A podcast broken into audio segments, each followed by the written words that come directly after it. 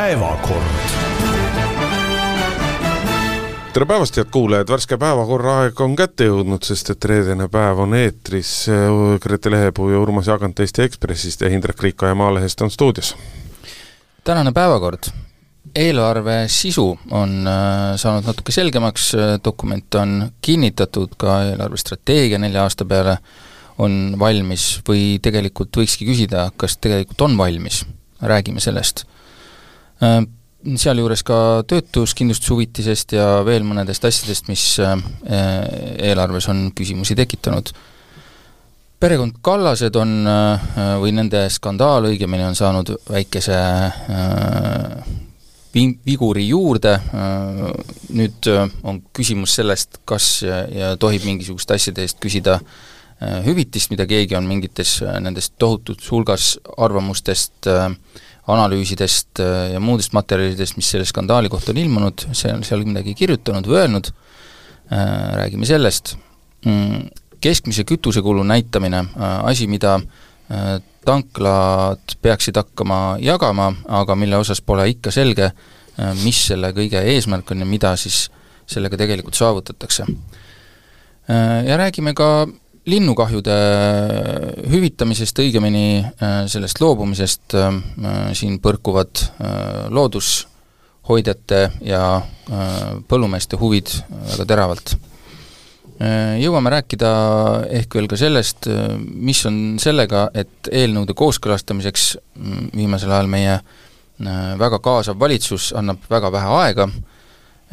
ja mm, jõuame võib-olla mainida ka seda, mm, kuhu asetub äh, Kersti Kaljulaidi mm, eelmise presidendi otsus äh, lahkuda äh, kütusefirmast Alexela, kuhu, mille nõukokku ta kuulus. kas kellelgi on päevakorrapunktides rohkem ettepanekuid teha? ei, ma arvan, kinnitame ära. kinnitame ära. kinnitame ära ja lähme eelarve juurde nüüd me oleme neid dokumente näinud, ähm, eelarve kakssada midagi lehekülge, selle eel, eelarves strateegia on kakssada midagi lehekülge, eelarve enda, eelmise aasta, järgmise aasta eelarve äh, seletuskiri on siis üle viiesaja lehekülje, no vaevalt, et äh, väga palju inimesi, kes praeguseks hetkeks need kõik on nagu lehekülje kaupa läbi töötanud, aga seda võib-olla polegi vaja, et äh, ja võib-olla see motivatsioon on ka vähenenud, arvestades seda, et kui millist kriitikat on saanud see põhimõte, mille alusel seda eelarvet meil üldse koostatakse, see nii-öelda tegevuspõhine lähenemine, kus on programmid ja tegevused, aga äh, ei ole keskmes siis see nii-öelda kassapõhine vaade, kus mm, kus oleks kirjas äh, täpselt, äh, mida ja kuhu kulutatakse või mis tulu ja kui palju kuskilt tuleb, et äh, aga üldiselt on sealt äh, esiletoomist äh, noh, leidnud päris mitmed punktid, mitmed nendest on muidugi need, mille, mis on juba enne seda eelarve kinnitamist äh, nii-öelda avalikuks saanud ja ega me nende osas tegelikult liiga palju targemaks ei ole saanud, aga ütleme, meil on need päris dokumendid nüüd ees ja nüüd on nagu selline noh, täieõiguslik võimalus siis kritiseerida, sest et me teame ka, millest me räägime no üldine reaktsioon on olnud üsna hävitav, mulle tundub, ma ei tea, kas teie arvate teisiti, aga ütleme,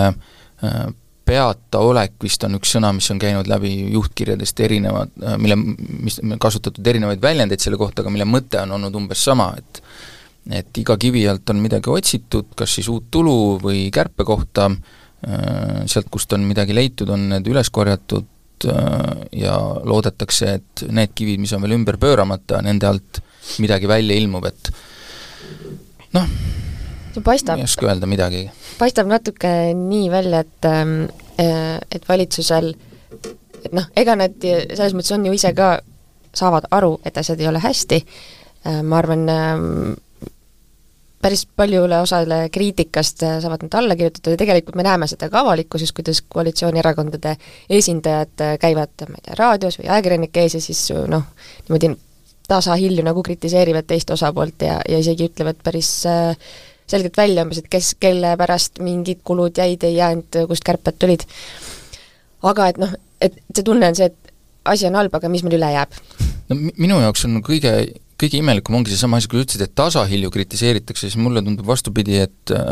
et ikka väga tugevalt, et, et ma pole sellist asja varem näinud, kus valitsus äh, tuleb pärast äh, eelarve kinnitamist äh, ajakirjanike ette,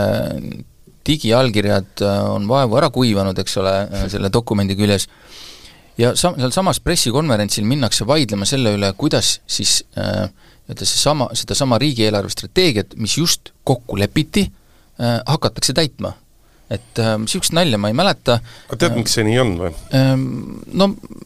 valgusta mind, palun see kõik on, see kõik on nii sellepärast, et keegi ei ole väga nagu süvenenud sellesse, mida tehakse, keegi ei ole üritanud nagu mõtestada, et miks see tehakse, et see trafaretne kaunis küsimus, et kellel hakkab sellest eelarvest parem. kas Eesti inimestel äh, kas Eesti inimeste elu muudab see eelarve paremaks? president Kersti Kaljulaid andis eile pika osutuse Rahvusringhäälingus Vikerraadios Mirko Ojakivile ja muuhulgas oli ka see jutt, ega tema ka sisuliselt tõdes, et ta ei näe nagu, et kellel sellest parem hakkab. et on nagu, on tehtud rallid selle nimel, et saaks numbrid enam-vähem tasa, et, et enam-vähem kõik paistaks nagu koššer välja, aga keegi ei ole õigupoolest süvenenud selle üle, et et miks asju tehakse, kas neid asju tehakse, siin sa reklaamisid välja selle töötuhüvitise tõusu teema, eks ole, et et järsku ootamatult meil selgub, et RES-i on planeeritud sisse töötuhüvitise tõus. ja seda ainult sellel põhjusel, et riik saaks raamatupidamislikult justkui näidata, et tulusid tuleb juurde, kuigi riik ei saa seda, see on väga selge nii-öelda sihtotstarbega maks, ja, ja, ja väga selge nii-öelda kasutusega maks. ja keegi ei aruta selle üle, et kas sisuliselt on vaja seda maksu tõsta või ei ole vaja tõsta, aga lihtsalt tõus planeeritakse sellepärast, et riigieelarve numbrid näeksid ilusamad no,. ja oleme... selliseid asju leiab nagu sellest eelarvest küll ja küll, kuni selle tühja neljasaja euroni välja, et et sisuliselt ei ole tah-, tahtnud ükski koalitsiooni osapool seda eelarvet eelarvet nii-öelda vaadata, sellesse ei ole tahtnud süveneda, igaüks on vaadanud, et mingid oma asjad sisse saaks, aga suurt pilti äh, mulle tundub ka, et meil on esimest korda ametis rahandusminister, kellel ei ole riigieelarve kohta suurt pilti olemas. ma tahtsin nii palju öelda jah, et seal on ka neid teisi asju, me oleme näinud seda, sedasama ju näiteks selle automaksuga, et et äh, minul ei ole nagu mitte midagi selle vastu, kui me arutame seda, kas Eestis äh, tuleb äh, automaks ja milline see peaks olema, sest et selle arutelu kese peaks olema selles, et mida meil on vaja saavutada, mis peab olema see nagu tulemus, mis mõju me tahame, nüüd on meil niimoodi, et et äh, esimesel korral, kui see teema välja käidi, siis oli esimene argument, mida me kuulsime, oli, et see toob eelarvesse sada kakskümmend miljonit. siis oli pikk arutelu siin, äh, ministrid omavahel põrgatasid kirju, eks ole, kas ja milline see peaks olema, milline komponent, aga see kõik käis nagu selle taustal, et äh, me võime siin neid heebleid üht või teistpidi liigutada, aga see peab olema, see sada kakskümmend miljonit peab eelarvesse tulema. nüüd me oleme saanud teada, et äh, see automaks lükatakse edasi ja nüüd ta peab tooma eelarvesse juba rohkem, kakssada miljonit. Pange see nagu sellisesse konteksti, mõelge korra, et kuidas, kuidas on, kuidas on niimoodi, et see number muutub kõigepealt ja siis muutub see, et äh, mida, siis hakatakse korduma, mida me sellega saavutada tahame, et et see on nagu valepidi, et ähm, see oli see selgitus oli vist see, et ähm,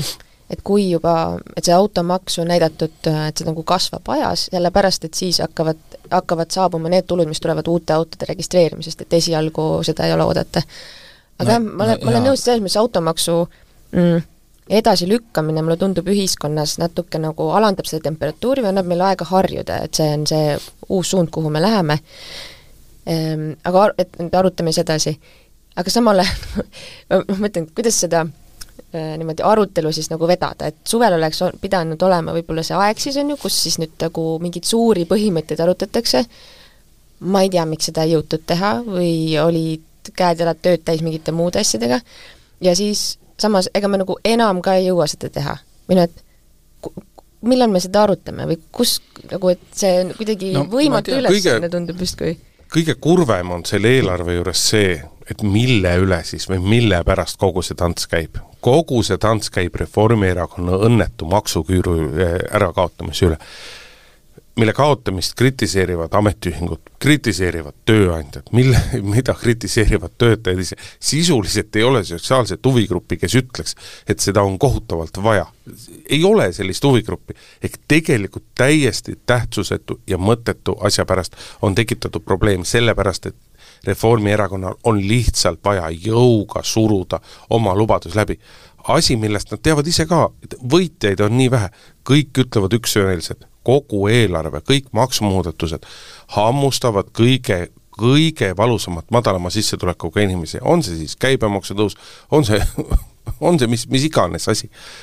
kõige rohkem saavad pihta kõige haavatavamad inimesed. Ja Reformierakond täiesti külma kõhuga surub kõige selle kontekstis läbi oma maksuküüru kaotust, mis suure osa nendest pro-... Nad on valitsev partei, see on no, nende maailmavaade, see on poliitika. aga miks peab tegema üks erakond asju, asja, mille järgi ei ole mitte mingisugust sotsiaalset tellimust. see on nende identiteedi küsimus no,, kui nad nüüd sellest loobuksid, mis nad siis oleks? ja, ja selle identiteedi ja selle nende identiteedi küsimuse pärast peavad kõik teised kannatama. Äh, ma ausalt öeldes tunnistan, äh, tunnistan ka, et äh, see maksuküür või see noh, ütleme, nimetame asja õiget, õiget moodi, siis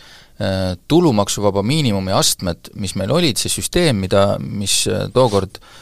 Ratase esimene valitsus vist jah, tegi, on, oli loll süsteem, olgem ausad, see oli, seal oli need astmed olid imelikud, see, see süsteem jäi ajale kogu aeg jalgu, sest need astmed ei liikunud kaasa seal mingisuguste sissetulekute muutuse ja muu sellisega,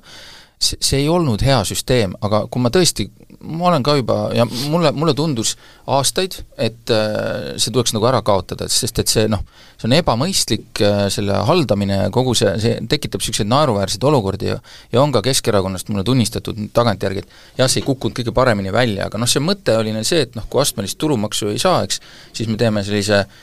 nipiga astme, astmed, eks ole.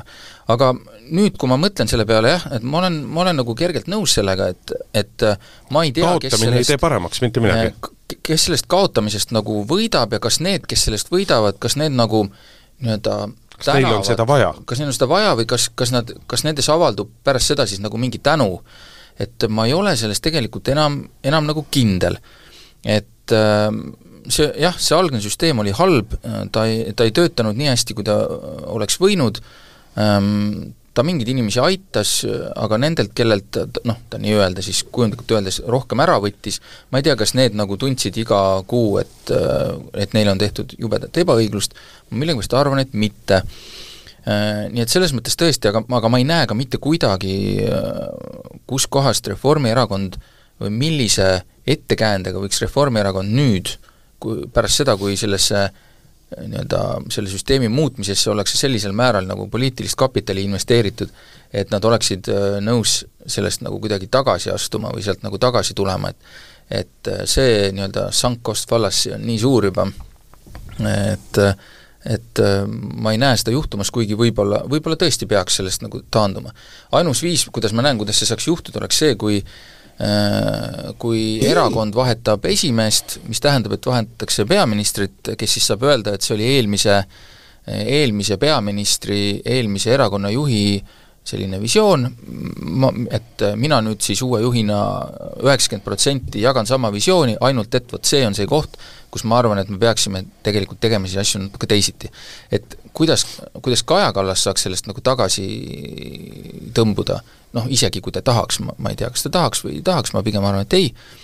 et ma ei, ma ei näe selleks ka nagu sellist poliitilist nagu võimalust ilma nagu äh, nägu kaotamata või ilma, et teised saaksid öelda, vot näed, surusime peaministrit taganema. ma ei ole sinuga üldse nõus. Kaja Kallasega ja Reformierakonna toetusega ei juhtuks mitte midagi kui nad ütleksid, et riigieelarve ei kannata praegusel hetkel maksuküüru kaotamist. siis meil on tegu ikkagi inimestega, ei, no, aga vaat, kellel aga on egod, kellel on muu selline. aga vaata, siin me jõuamegi selleni, et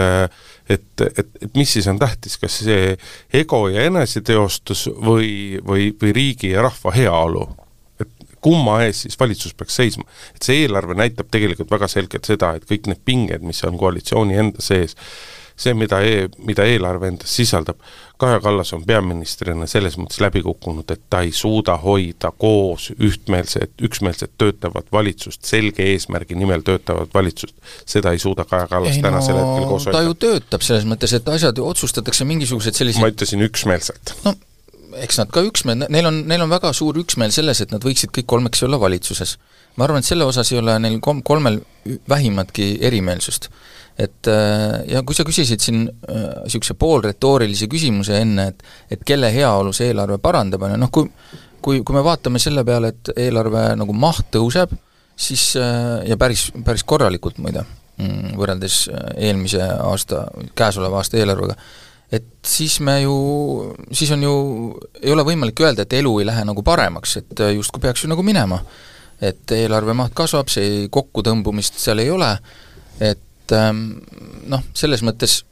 võib-olla meil on raske välja tuua ühte nagu gruppi, aga võib-olla ei peakski olema eelarves niimoodi, et meil on võimalik välja tuua üks grupp või kaks gruppi, kellel elu läheb jubedalt paran-, paremaks ja siis, siis me teame, et äh, mingisugused teised grupid on nüüd ennast võtnud järjekorda ja nemad ootavad nüüd oma korda, mis siis saabub äh, järgmisel või Gretel on juba jupp aega näpp püsti, aga sa üldse ei lase tal rääkida. ma just, me, me istume Urmasega täna vahetasime kohad ära. ja mulle tundub, et see tool, kus nüüd siis muidu istun mina ja praegu istub Urmas, et see on äh, mingisuguses retrokraadis Indrekuga et siin rollid on vahetunud ja väga, ei, väga tore on teid kuulata. ma hakkasin äh, hoopis nagu mm, filosoofilisemalt mõtlema, et äh, kas Reformierakond on praegu oma valimisedu pantvangis?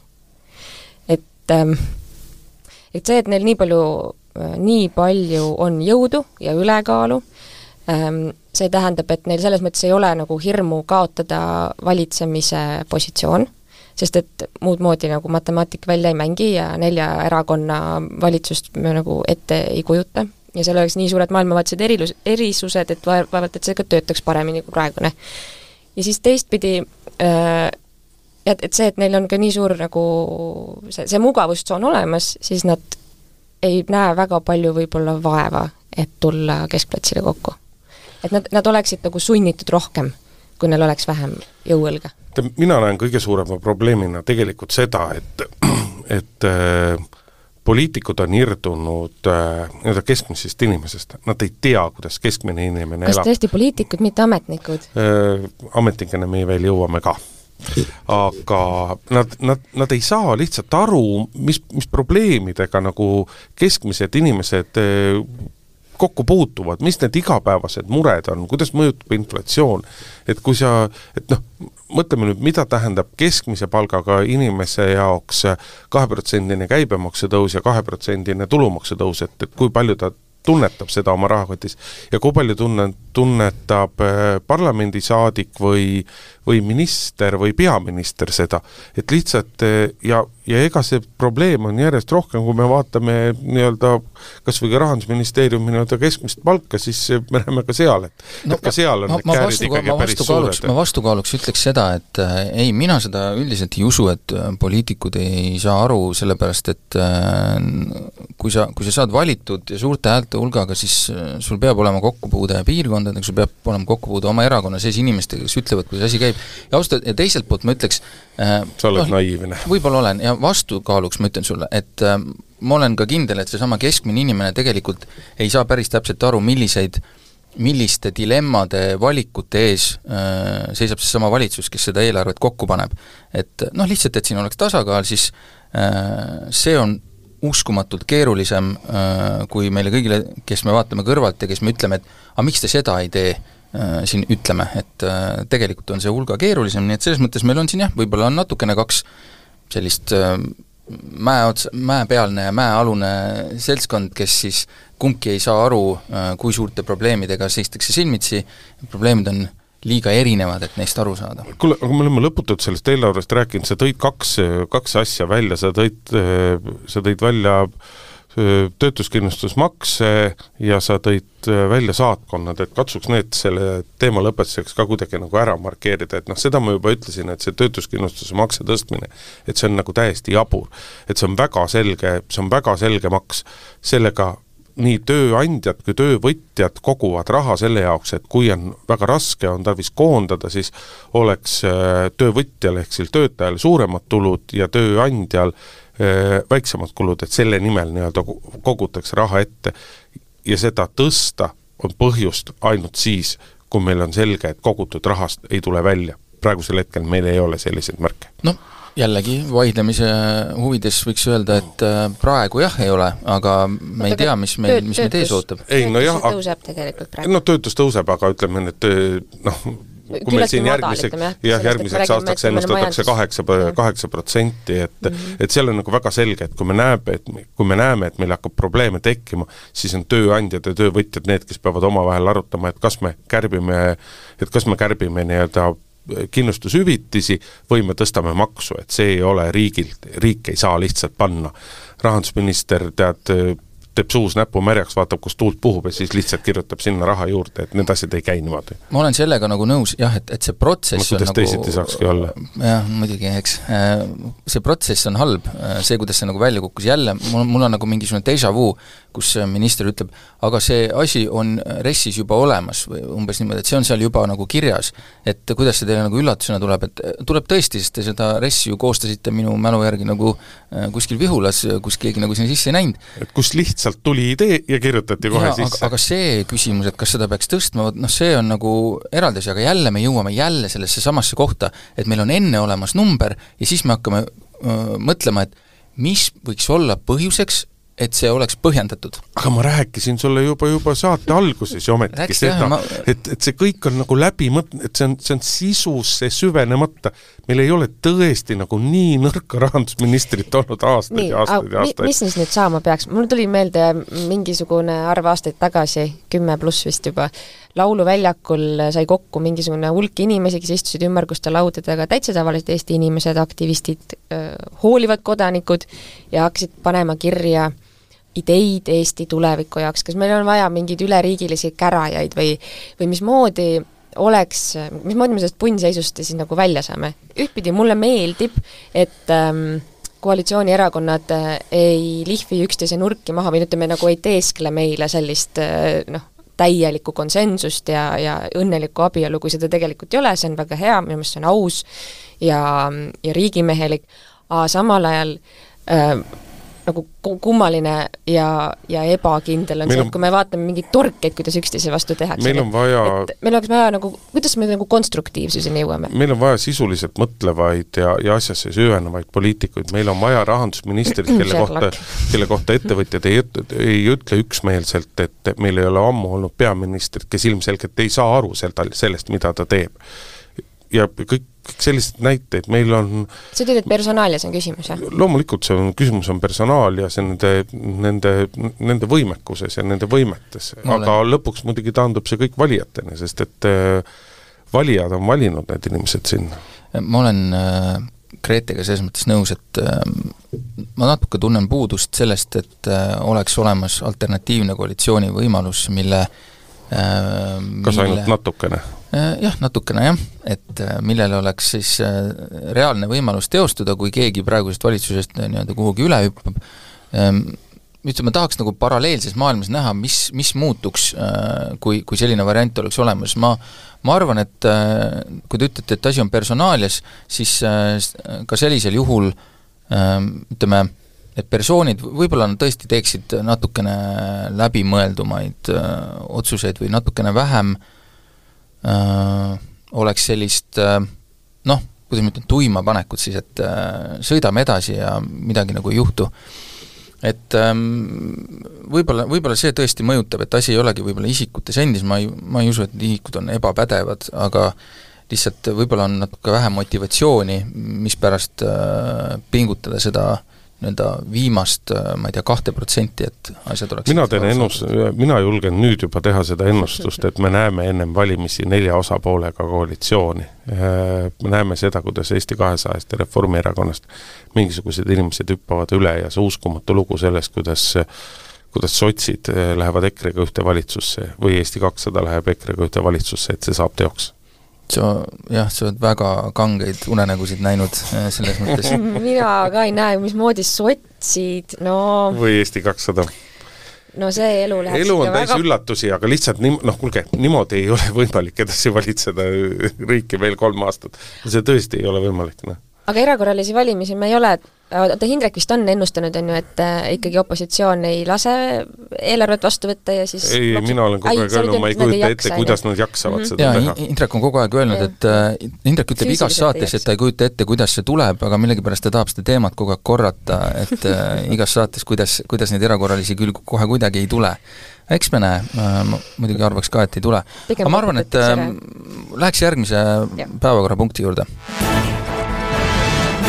Nii äh,, perekond, perekond äh, Kallased äh, on sattunud uue skandaali, ma ei tea, ohvriks, kütkesse, kuidas iganes selle kohta on õige öelda. Nimelt kirjutas üks niisugune inimene nagu Valdar Parve, haritud inimene meditsiiniharidusega, kirjutas Eesti Päevalehes ühe, Eesti Päevalehes Delfis ühe kommentaari, kus ta siis äh, retooriliselt, no mina julgeks ikkagi öelda, et retooriliselt nagu ta kritiseeris Kaja Kallase käitumist idavedude skandaalis ja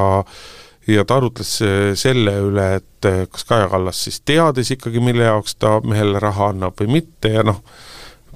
ma ei oska öelda, oli see retooriline võte, oli see huumor, kuidas iganes seda nimetada, aga aga seda lugedes ma küll ei tajunud nii-öelda nagu tõsist väidet selle kohta, et aga võib-olla on siis ikkagi hoopis niimoodi, et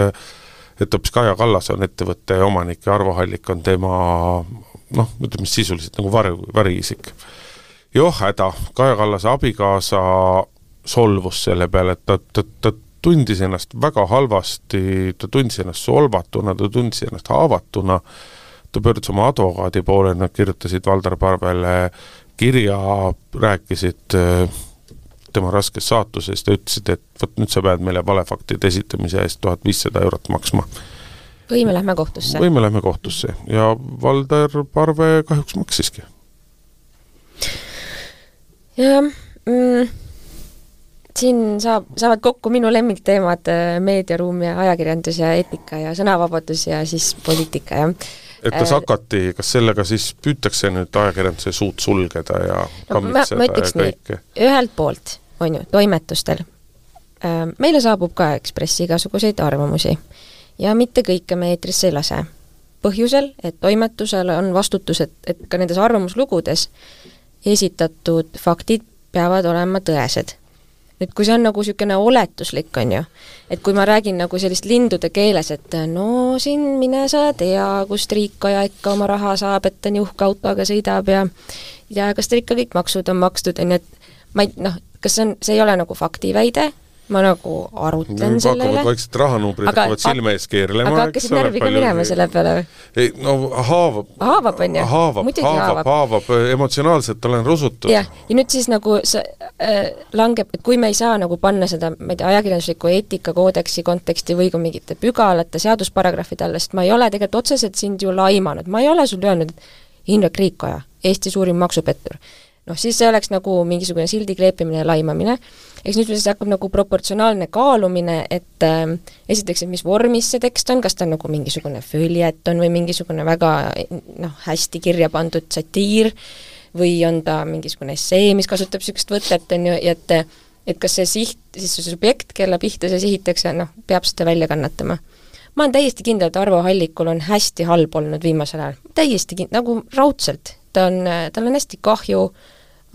tal on kahju sellest, et äh, ta abikaasa on niisuguses olukorras ja peab kogu aeg klaarima kõiki asju, sest et äh, sest ta Eesti Vabariigi peaminister ja ta peab aruande andma ja tal ei ole varianti. Aule, miks sa seda arvad, et tal sellest kahju on? ma ei, inimlikkusest. ole nüüd ettevaatlik, ole nüüd ettevaatlik. ei, ma lihtsalt küsin, miks sa arvad, et tal on sellest kahju? sest Kallas ütles, Kallas ütles Esimeses stuudios, et tal on kodus, on abikaasa, kellel on tohutud süümepiinad ma, see kõlas väga siiralt, ma absoluutselt usun seda ja kui ma ennast panen nagu inimeste olukorda, ma täiesti, täiesti usun, et Võt, nii on. mina ei usu, mina arvan ja ma rõhutan, et ma arvan, ma ei esita faktiväiteid, vaid ma arvan, et see oli lihtsalt kättemaks. see oli lihtsalt kättemaks ajakirjandusele, näitamaks, et et vot näed. avate ja nüüd meie saame teile mingist küljest vaata tulebki see, et et see, et see on lihtsalt nagu külm ja kalk kättemaks, mitte midagi see, muud. Ja, ja, ja Valdur Parve oli noh, ta, ta oli sisuliselt süütu ohver, sellepärast et kuulge, iga inimene, kes lugeda oskab ja Kaja Kallas kindlasti oskab lugeda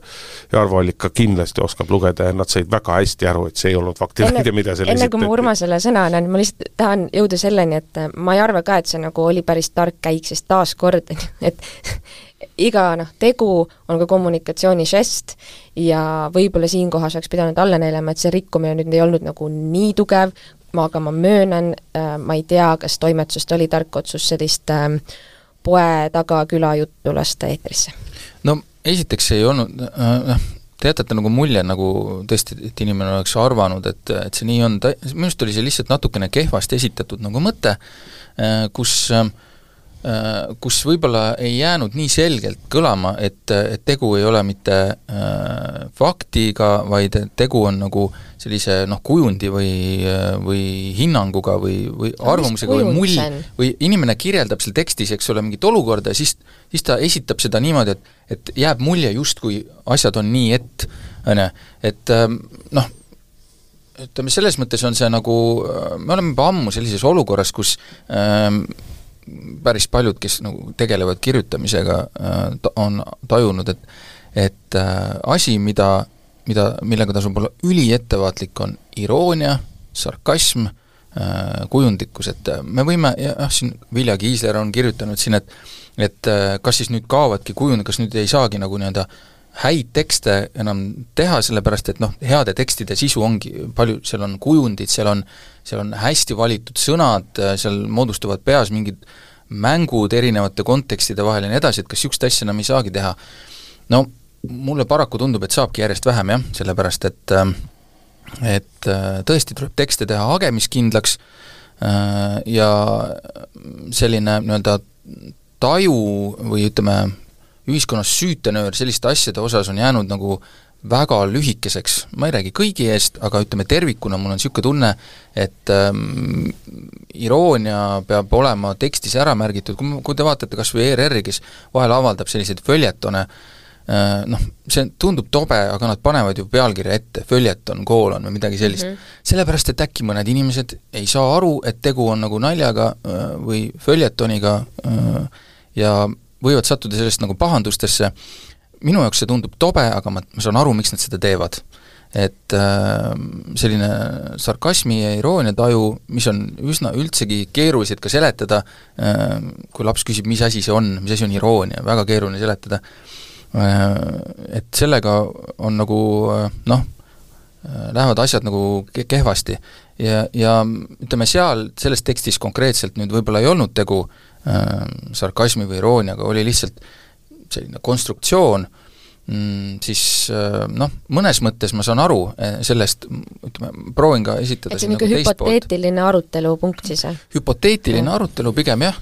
ja minu arust ja... sa lähed nagu, sa lähed nagu rajalt kõrvale. ei, ma ei lähe rajalt kõrvale. sa oled selles mõttes nagu rajalt kõrvale, et sa, et sa räägid sellest nii-öelda kirjutamisest ja sellest küsimusest üldisemalt, aga praegu me tegelikult ei räägi sellest, vaid me räägime ikkagi nii-öelda Kaja Kallase ja tema abikaasa käitumist. mul tekkis peas, hakkas tiksuma küsimus, okay, kas Kaja Kallas ja Arvo Hall, kas ta pandi kiriklikult laulatati või oli Berboros, nagu enam ei mäleta, vist Mis kunagi pildid tead, seal on lihtsalt vaata see väga,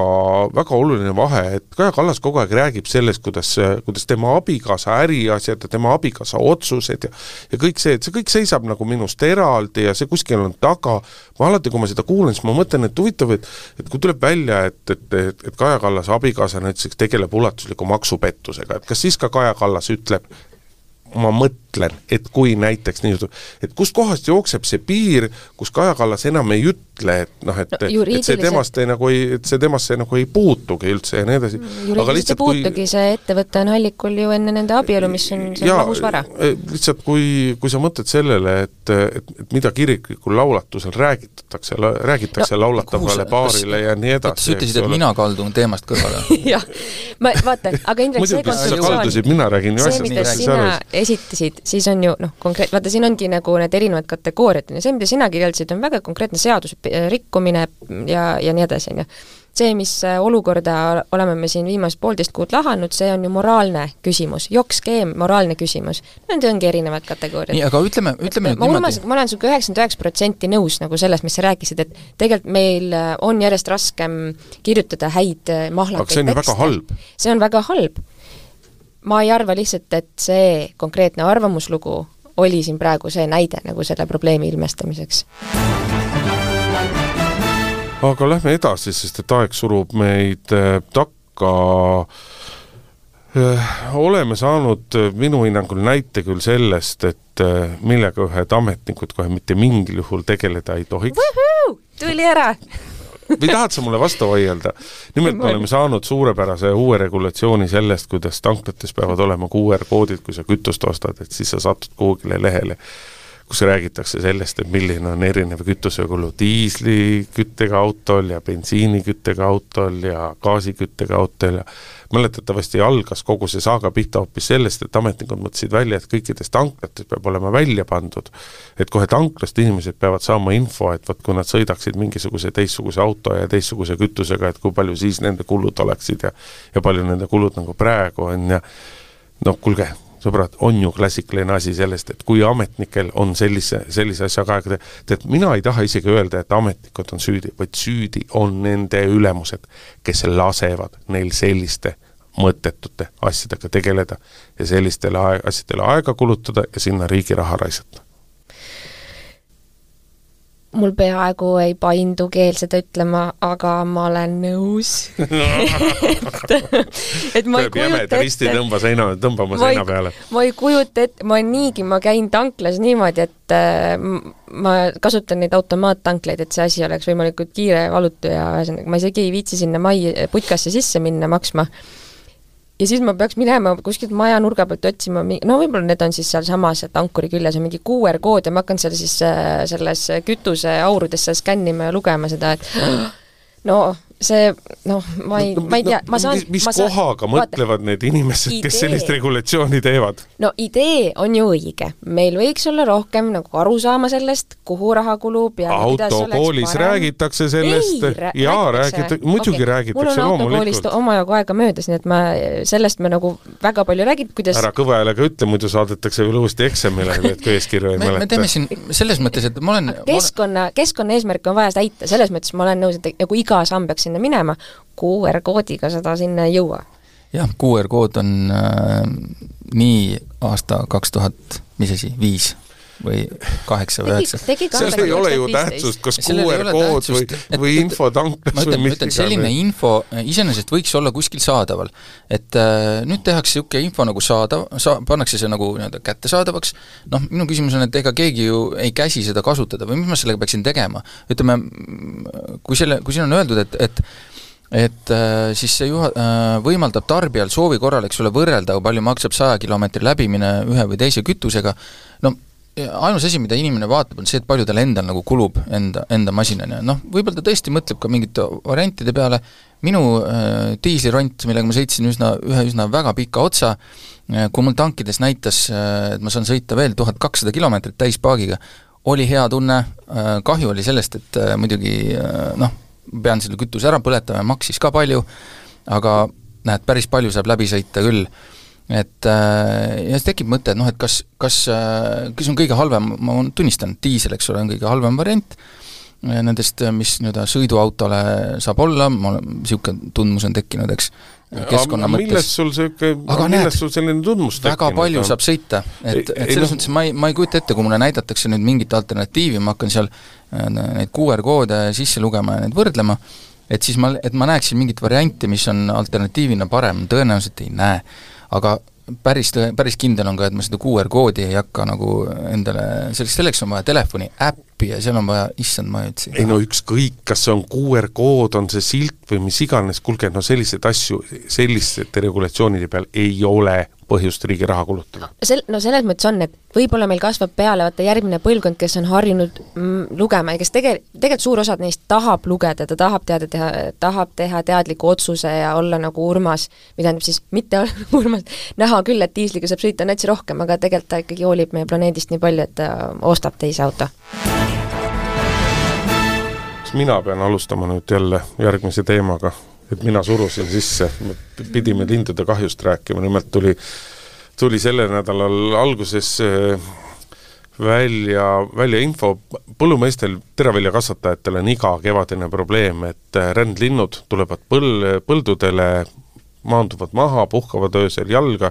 ja söövad põllud tühjaks ja põhjustavad kellele kümneid, kellele sadu tuhandeid eurosid kahju ja on käinud aastatepikkune sõda selle üle, kuidas põllumehed võiksid, võiksid peletada neid, kas tohib ainult paugutada, kas tohib mingid pelletid välja panna, kas paljude teiste riikide näol riikide eeskujul võiks pidada nii-öelda heidutusjahti, ehk mis siis sisuliselt tähendab seda, et sellest mitmest miljonist linnust, kes siit kevadel nii-öelda rännet üles jooristab, just nimelt miljonitest lindudest, et neist paar, paar tuhat lindu nagu maha lasta, sest et haned, kes pealiseks, peamiseks probleemiks on, nad on nii palju targad linnud, et, et, et see on, töötab lihtsalt kõige efektiivsemalt. Eestis ei ole tahetud näituseks seda, mis veel mõne aasta eest oli ka Euroopa Liidu mõnes maas lubatud, et põldude gaasitamine, et lihtsalt kogu põld lasti gaasi täis ja kogu see par-, kogu see mansahvt lihtsalt suri sinna põllu peale ära. sellisest asjast keegi rääkinud ei ole. ja on siis, on siis sellist... kui te näeksite Grete nägu. Gretel hakkavad pisarad ma saan selle teemade esitlusest aru, aga ma lihtsalt nagu hoiatus tapmine hanedele, see kõlab nagu ähm, või noh, et me nagu laseme tuhat hane maha hoiatuseks teistele, et nad ei tuleks. Ei, aga see töötab. ma olen nõus sellega, et haned võivad ei, olla päris targad nagu, loomad, ei, ei noh, seda ütlevad, seda tegelikult tunnistavad kornitoloogid, et see, et, et see asi, et see asi töötab sellisena, sellisena äh,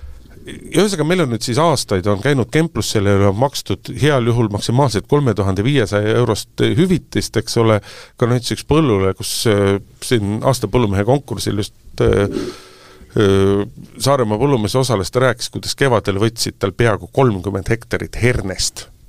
lihtsalt põld tegid linnud täiesti puhtaks. Me räägime kümnetest, kui mitte sadadest tuhandetest eurodest kahju. jaa, ma tegelikult ei naera selle, seda teemat välja, see lihtsalt ähm, see on üks nendest teemadest, millest, kui sa mitte midagi ei tea ja siis sa hakkad seda lugema ja seda probleemiga tutvuma, siis see tundub ähm, nagu nii, ma ei tea, mis see õige sõna on, tahaks öelda armas, aga see ei ole see sõna, et ma, ma saan aru nendest äh, põllumeeste muredest, mul esimene küsimus muidugi on see, et ähm, et igasuguse ettevõtlusega sul on riskid, mis võivad realiseeruda ma saan aru, need hanedega seotud riskid realiseeruvad nui neljaks igal sügisel või? kevadel, kevadel.. noh, kevadel ja sügisel ka, aga kevadel on muidugi kõige suurem probleem, jah. aga nui neljaks igal juhul tulevad? jaa, igal juhul, sellepärast et Eesti on ju no, mille, mille pärast me et... siis paljudesse kohtadesse ei saa ju äh, tuuleparki ehitada, kaasa arvatud merre, paljude hinnangul on sellepärast, et et Eesti nii-öelda on väga aktiivsel äh, lindude rändeteel asub. Ja see on nui neljaks, igal kevadel, igal sügisel see probleem on olemas. põllud on linde täis äh, kas, ja siis see kolmsada, nelisada tuhat eurot, mis praegu riik kompenseerimiseks maksab, see kulutatakse ka ära, jah? noh, jah, jah. no vot, noh jah, et ähm, kas ähm, võib, võib-olla see, võib selles mõttes, et äkki, äkki see on nüüd üks neid kohti, kus saab tõesti ikkagi midagi muuta või et ähm, ma ei ole, ma ei taha, ma ei tea, ma ei oska ka asut-, asutada või panna ennast kuidagi nagu, ma ei taha ennast panna kuidagi äh, looduskaitsjate kingadesse, selles mõttes, et ma mm, kujutaks ette, et kui neid linde saab kuidagi peletada, siis võiks seda teha ja kui selleks on mingeid viise olemas, siis võiks ei noh, mingeid viise selleks on, küsimus proovida. on, küsimus on, ei noh, aga põldude gaasitamine kõlab muidugi täiesti kohutavalt. ja, ja see, seda ei tule Eestis, Eestis ükski põllumees ei tule seda küsima, kuigi ma ütlen veel kord, et, mitte väga ammu Euroopa Liidus täiesti toimiv ja täiesti lubatud, lubatud mehhanism, aga tõepoolest sellisest asjast keegi Eestis ei räägi. aga see on lihtsalt, vaata, see on kohut-, see on tohutult nagu aja ja ressursimahukas on, on praegusel hetkel käia käia kas siis mingisuguste pelletitega, kas käia noh, nii-öelda pilt, piltlikult öeldes paukpadrunitega rakette laskmas, kõik, mis noh, tegelikult ümberkaudseid inimesi häirib, sest et ega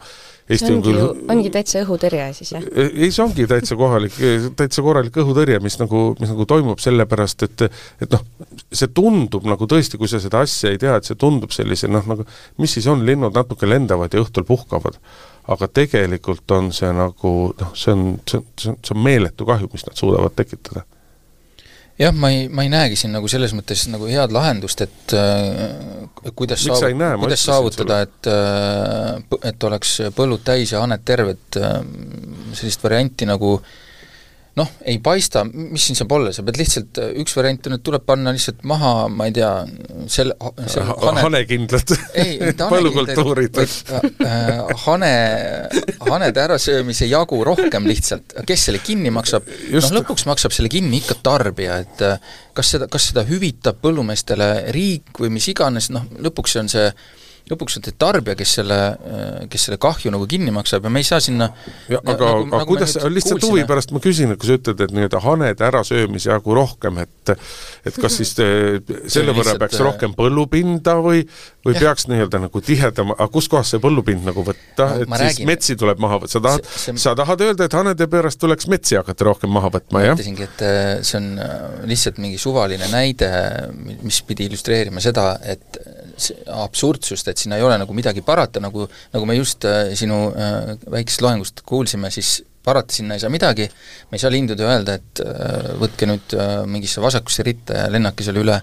Rootsi või äh, Soome, kust nad ka muidugi lendavad ja söövad ka seal. tead, see tegelik probleem on hoopis teises kohas, see tegelik probleem on selles, et meil on aastaid on käinud vaidlus, aastaid on käinud vaidlus, kus ühel pool on olnud nii-öelda nagu linnukaitsjad,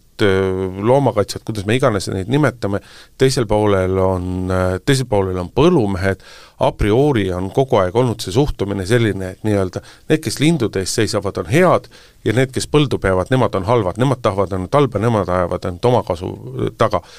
kuigi tegelikult on need ju inimesed, kes on, kes on kõige rohkem ja kõige elulisemalt huvitatud sellepärast, et keskkond oleks korras, et need põllud toimiksid, et neil oleks tööd, et inimestel oleks süüa ja nii edasi, aga, aga neist on kogu aeg nagu maalitud mingisuguste noh, nagu kasuahnete tõprate pilt justkui ja, ja tegelikult ühte poolt ei kuulata absoluutselt ja teist poolt ainult kuulatakse ja see on see probleem, et seda tasakaalupunkti ei ole ja seda tasakaalupunkti ei ole üritatud otsida.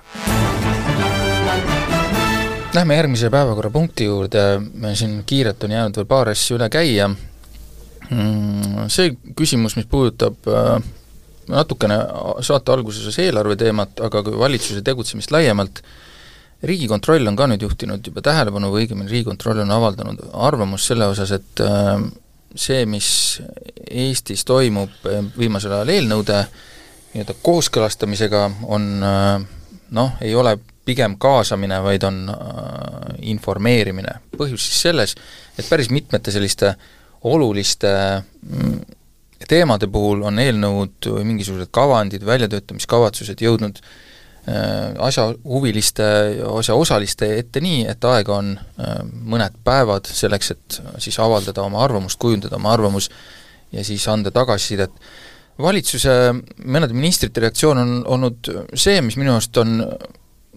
noh, ikka päris äh, hämmastav on öeldud, et aa, Riigikogus ju toimub ka arutelu, et küll saab siis ju nagu ka seal ka arutada kõvasti, et või, või siis vastupidi, et enne on toimunud nüüd juba, me oleme ajakirjanduses sellest palju kirjutanud, rääkinud ja äh, noh, mis siin nüüd siis enam, et öelge ära ja kaua siis ikka nagu võtab, noh kujundlikult. tsitaati keegi sellist päris nii öelnud ei ole, aga mõte on olnud umbes see,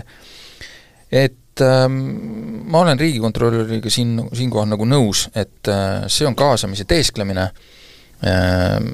mis, mis eesmärki see peaks kandma, ma ei tea, sellepärast et et äh, informeeritud osapooled on alati paremad kui mitteinformeeritud ja see tulemus äh,, ütleme ka see avalik arutelu jääb sellest kehvemaks, kui kui need eelnõud nii kiiresti läbi ratsutatakse sinna nii-öelda Riigikogu vastuvõtmise faasi, et et ähm, mil-, varem ma ei ole sellist asja märganud ja ma ei tea, miks see nüüd nii on, aga kuidagi on nii juhtunud, et äh, väga palju sellisel kujul neid asju aetakse. mina küll, mina oskan sulle vastata. kindlasti. miks, miks see, miks see nii on? see on sellepärast niimoodi, et äh, lihtsalt ametnikud ei ole lihtsalt kursis, vabandust vabandust, see oli ebaõiglane. Oi, kust on see kurjuse õelus sinu sisse tulnud, Grete Kenega? saate lõpuks on kõik, kõik lihased soojad. lihtsalt, äh, lihtsalt poliitikud on veendunud, et nad, äh, nad teavad täpselt, kuidas asjad käivad. ja ega me enam kui me väga tihti mõtleme seda, et noh, miks võtame paljudki kevadel usaldushääletusega läbi lastud asjad, et tegelikult see, seal ei olnud, osad nendest asjadest ei olnud ju nii kiired. midagi oleks juhtunud, kui poole aasta pärast seda oleks teinud. Aga noh, nagu arvatakse, et kui meil on see positsioon, meil on see võim, siis meil on ka see õigus. ja ei saada aru, et et asjad võiksid käia teistmoodi. ma seda ei arva, mina arvan, et asi on lihtsalt selles, et sel valitsusel äh, nagu me alguses rääkisime, mingi, midagi on valesti selle nii-öelda kuidagi aja, see kõlab naljakalt, aga ajatajuga.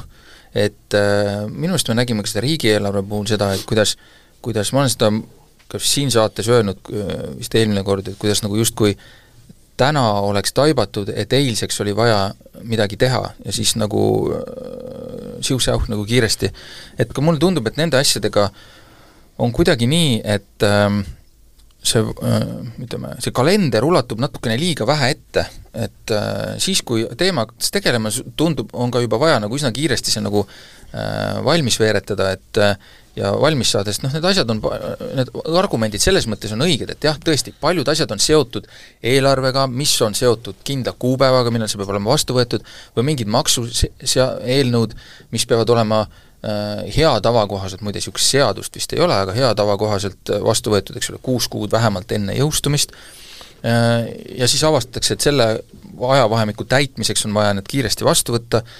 et noh, sellised nagu põhjendused, mida kõik teadsid juba varem, et need on nagu olemas, äh, aga keegi ei ole hakanud nendega nagu tegelema,